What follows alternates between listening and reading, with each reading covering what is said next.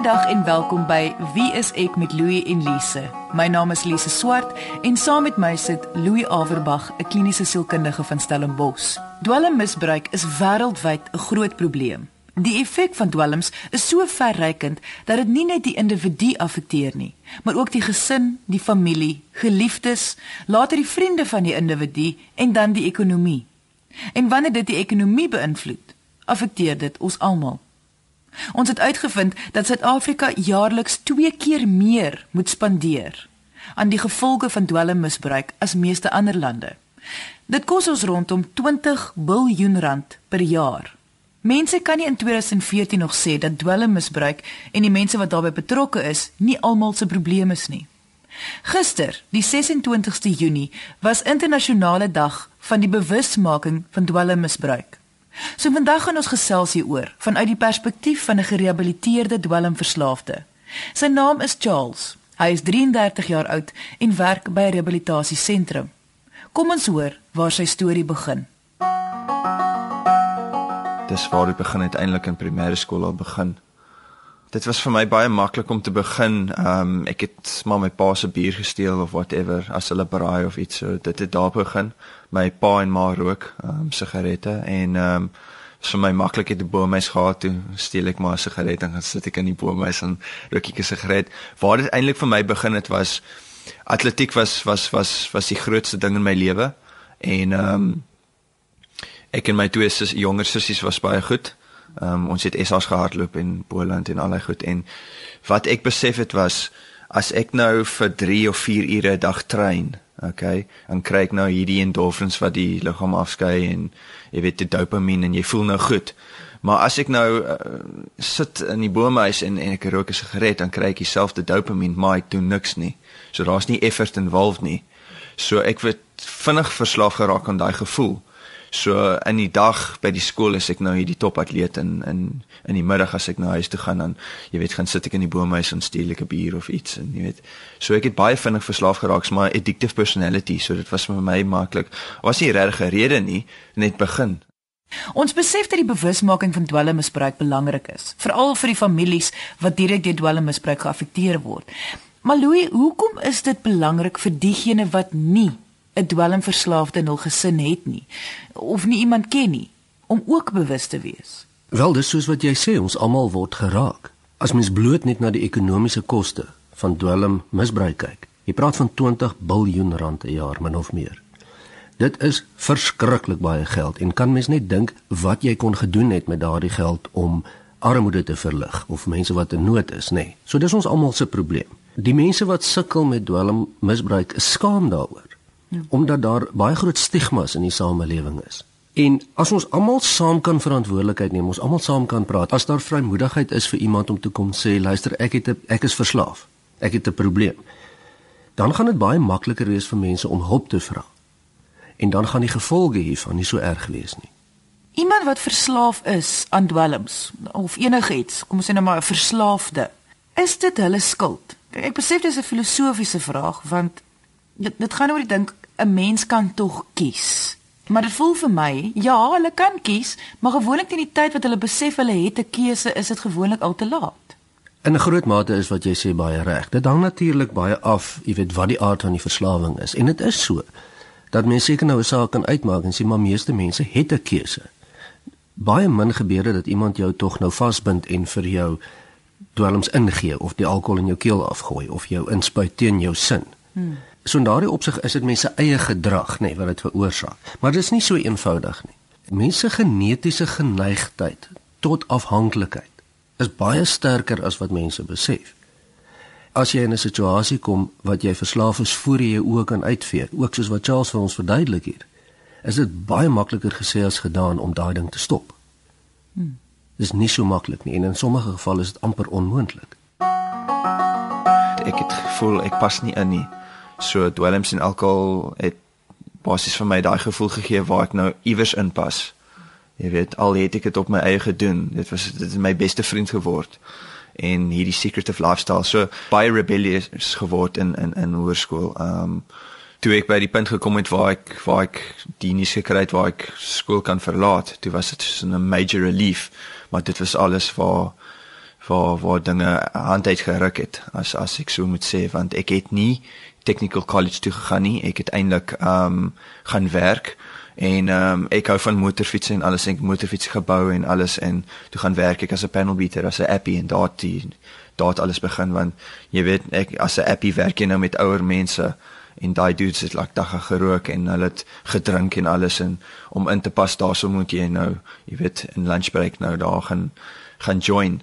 So dis waar dit regtig begin. Ek so 16 jaar oud en toe begin die nonsens regtig Jy luister na Wie is ek met Louie en Lise op RSG 100 tot 104 FM. Charles was 16 toe hy begin het met dwelms. Ek dink meeste mense sal nou sê dat dit sy opvoeding se skuld was, net omdat hy so jonk begin het. Maar hoe groot rol speel opvoeding wanneer dit kom by dwelmverslawing? Kyk, dit speel 'n rol. Soos wat genetika 'n rol speel, speel opvoeding natuurlike rol en omgewingsfaktore. Maar en hier's die maar wat mense nie baie van hou nie. Opvoeding speel eintlik 'n baie mindere rol met verslawing. Al die navorsing wys baie duidelik dat mense genetika 'n groter rol gaan speel om te bepaal of jy gaan verslaaf raak eendag of nie. Navorsing wat hieroor gedoen is byvoorbeeld met rook. Want onthou rook is ook 'n verslawing, is nikotienverslawing. Wys dat opvoeding of die kultuur waarin mens groot word en wat in jou huis groot word of jou ouers rook of nie eintlik 'n baie klein rol speel. Dis maar omtrent altyd geneties, nee, en dit klink vreemd, maar daar kan ouers en familie ook baie keer bietjie berusting invind, want mense voel baie skuldig en sê maar as ons opvoeding beter was of ons voorbeeld was beter of ons het het ons nie dalk iets verkeerd gedoen nie as ouers of as familie. Mm. En dis 'n goeie vraag om te vra om ook medeverantwoordelikheid te neem, maar genetika speel 'n baie baie groter rol as wat mense besef. Wel die progression was vinnig vir my. Ehm um, jy weet daar was nou limitations vir my nie. Dit was maklik en min 16 jaar oud ek het 'n motorbike, ek verdien geld. Ehm um, voor dit regtig vir my begin het was ek en my drie vriende, almal van ons almal soos dropouts as jy wil sê. Toe gaan ons Grahamstown Arts Festival toe, maar dit was net ons en 'n karavaan en dit was net chaos en daar het ek vir die eerste keer heroin gebruik, ek het ecstasy gebruik, kokain gebruik, crack al die drugs wat jy daar kon kry, het ek probeer en ehm um, my eerste overdose experience was op heroin en dit was toe ek nou 16 was. Hulle het vir my gelieg gesê dit was iets anders en toe ek ehm um, geoverdose en op 'n sypaadjie geleef vir die hele aand, soos 'n near death experience gehad. Volgende dag het ons almal nou gelag oor die situasie.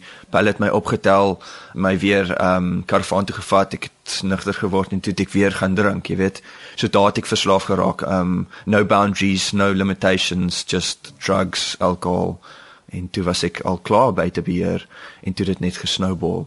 Wat is die mag van verslawing. Behalwe dit jou lekker laat voel, almal weet dit is sleg vir jou. Maar daardie inligting het nog nooit enige iemand gekeer om verslaaf te raak nie of om iets te begin nie.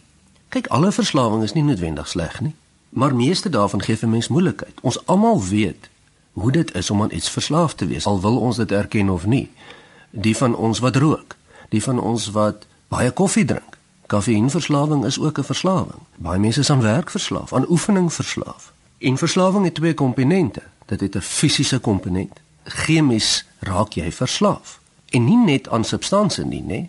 Uh, baie mense is verslaaf aan oefening en daar's 'n chemiese rede daarvoor. Mm. En dan is daar natuurlik die sielkundige redes.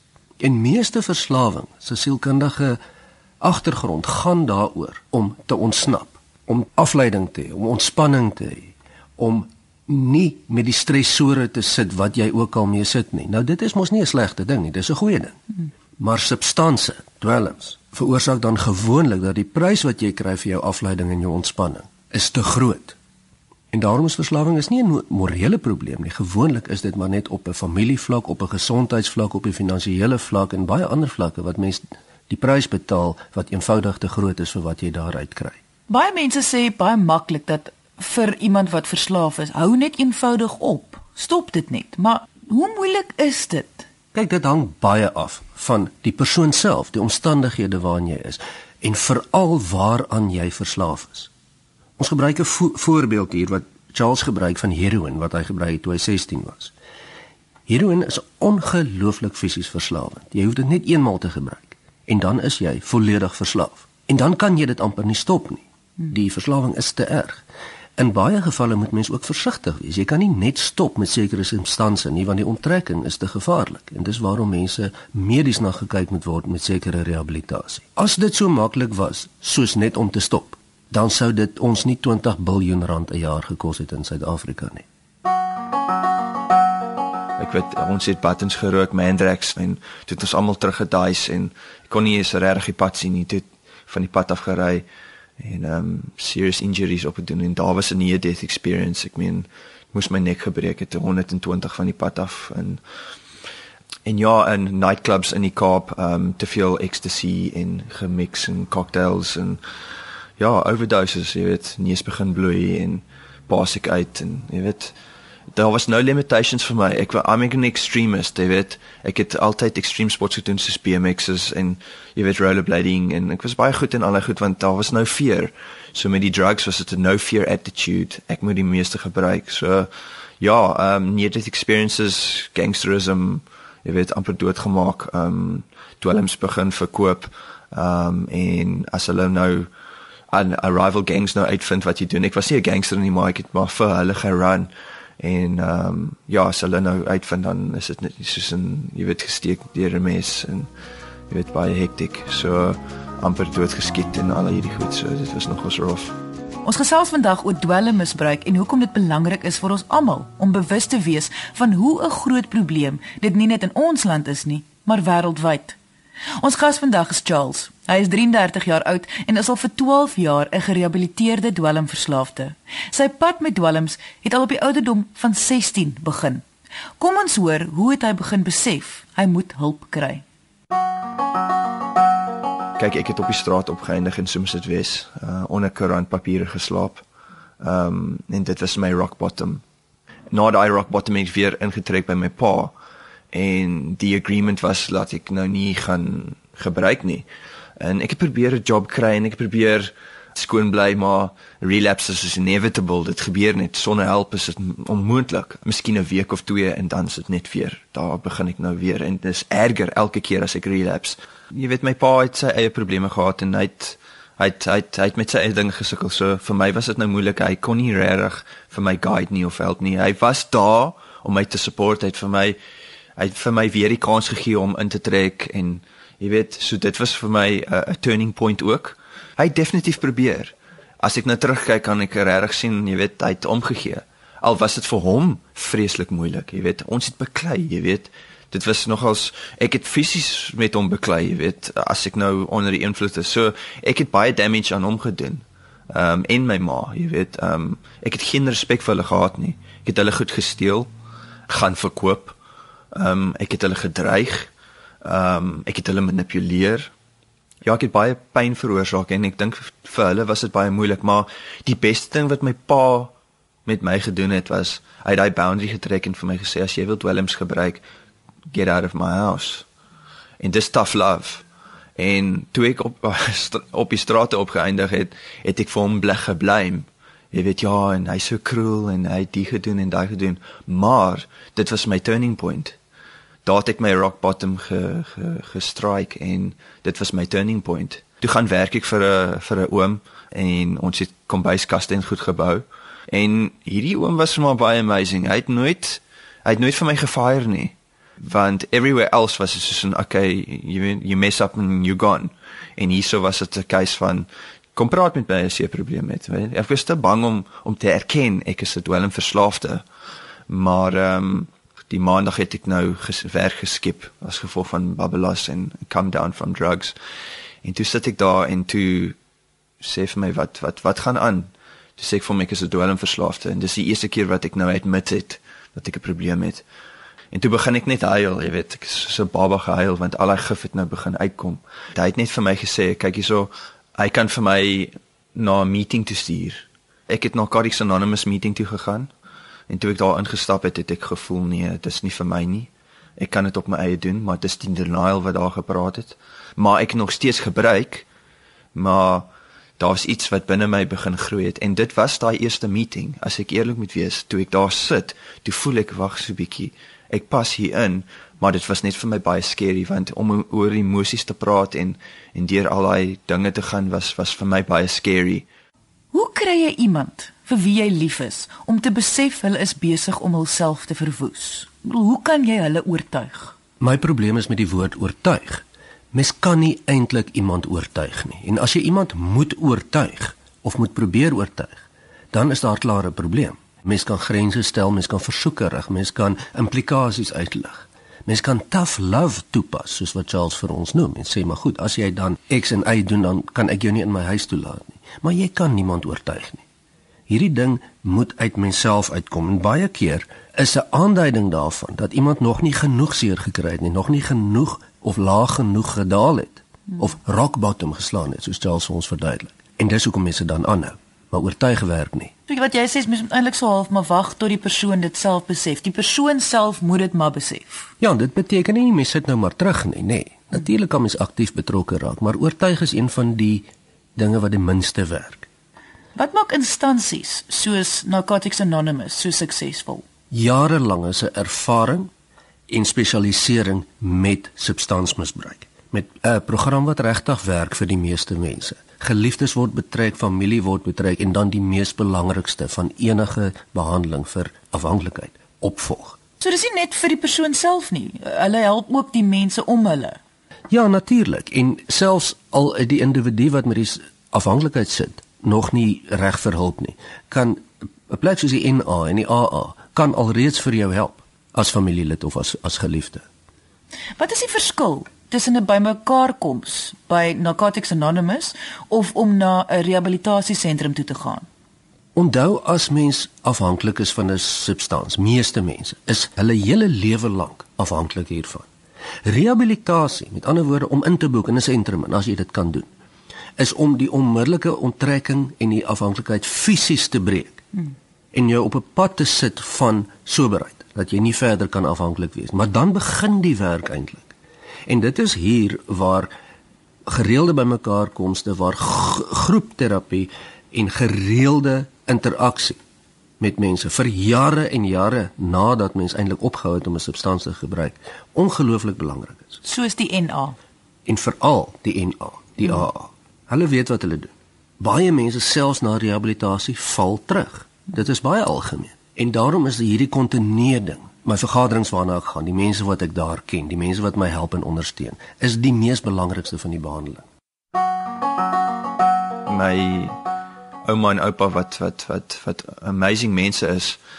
Hulle het 'n newspaper clipping ge, ge, gekry in die in die koerant van twee mense wat Mount Kilimanjaro gaan klim om funds in te samel om om vir mense rehab toe te stuur wat wat dit nie kan bekostig nie toe ek hierdie klipping gekry op my bed, my pa het daar gesê, so daar was support, jy weet. Al het ek gevoel daar was nie, daar was definitief support en ehm um, ek het hierdie mense ge-SMS en ek was so desperate op daai stage en ons noem dit noem dit die die gift of desperation. Jy weet, jy het die gift of desperation nodig om te verander. Maar toe ek die gift of desperation gehad het, toe SMS ek hulle, toe niks gebeur nie. Toe het ek maar gevoel, okay, well, that's it. You know one cares, jy weet. Ek het so moedeloos gevoel dat ek net besluit het okay dit is so sadie the only answer en ek het werk toe gegaan die dag en dit is nou seker so 2 weke na ek daai mense ge-SMS het en ek het niks gehoor nie toe voel ek jy sê ek het nou ek het nou help gesoek i i, I asked um nothing's happening you weet en um toe stap ek toe toe toe ek nou 'n skroewedraaier gevat en ek het nou besluit gaan myself nou stab met die ding om om om die pyn weg te vat, jy weet. En dis waar ek was, it's like self-mutilative state, jy weet. En toe ek in die badkamer instap, toe kyk ek vir myself in die spieël. Toe sien ek net hierdie empty vessel, jy weet. Um lonely, depressed, isolated, fear. Um hulle sê addiction is a fear-based disease. Um En uh toe staan ek net daar toe kyk net vir myself en toe dink ek is isn't there more to this, jy weet.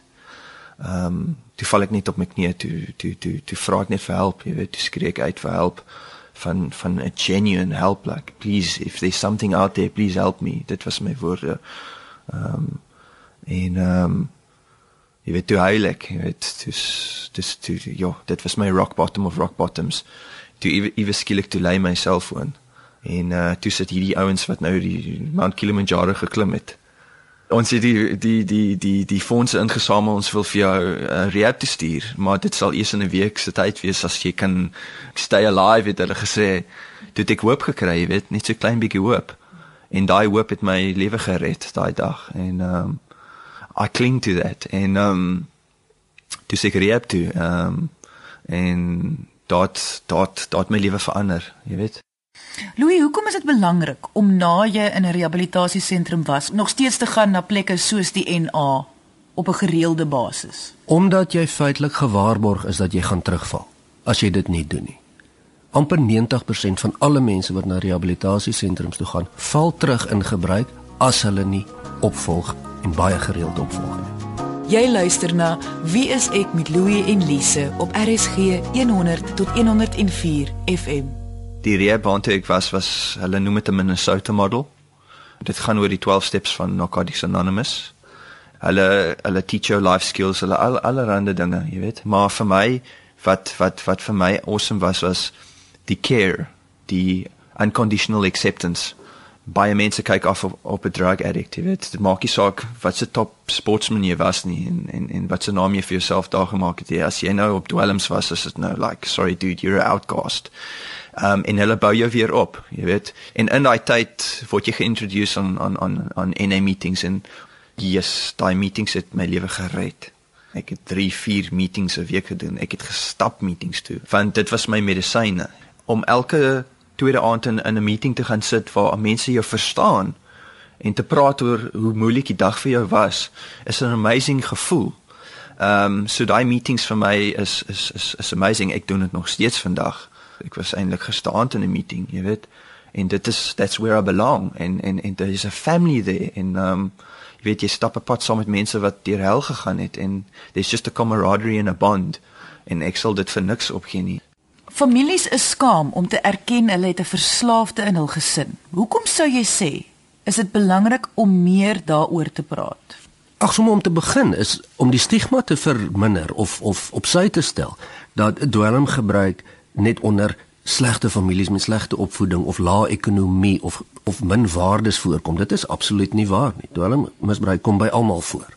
As mense meer daaroor kan praat, kan mense baie meer saam staan en vir mekaar raad gee oor hierdie ding. Ek het ook al agtergekom dat wanneer families soos byvoorbeeld na NA groepe gaan, sal hulle altyd vir jou vertel dat om ander families te ontmoet wat deur dieselfde is. Dit is die grootste verligting dat daar is ander mense wat weet waartoe jy gaan. Daar is ander mense wat verstaan. So die saampraat is hoe om saam hierdie probleem op te los. Niemand weet outomaties wat om te doen as hulle agterkom hulle is verslaaf nie of jou geliefde of jou familielid is verslaaf nie. Daar's nie stel reëls nie.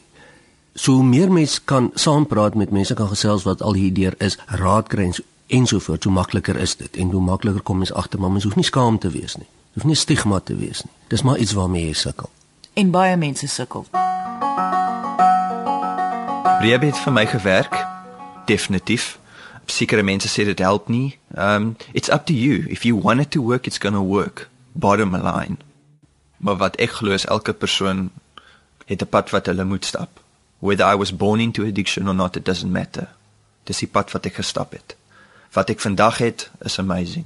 My verhouding met my familie is amazing. Ek weet ek en my pa kom so goed oor die weg. Ek en my ma, ek en my susters, al die damages restored. En die blessings wat ek nou ervaar is amazing. Hulle sê altyd en ek gaan dit in Engels sê wanneer is die beste manier om dit te sê. Your your worst day in in in recovery is better than your best day in active addiction. Al voel ek hoe sleg, ek voel ek kan nog steeds dinge raak sien, jy weet. I can feel the sun on my skin and that's an amazing experience. So ek sal nie vir mense sê go and become an addict nie of an alcoholic nie want dit is 'n moeilike pad om te stap. That's hell on earth. But there's a taste of heaven, you know, if you want it, you know. Ons het ongelukkig aan die einde van vandag se episode gekom. Baie dankie aan Charles dat hy sy storie met ons gedeel het. Indien jy enige vrae het oor enige onderwerp, kan jy ons kontak deur ons webwerf wieisek.co.za of kom gesels saam op ons Facebookblad onder Wie is ek met Louie en Lise. Dankie dat jy vandag ingeskakel het. Ons maak weer so volgende Vrydag net na 12 hier op RSG. Jy moet 'n heerlike naweek hê he, en onthou, kyk mooi na jouself.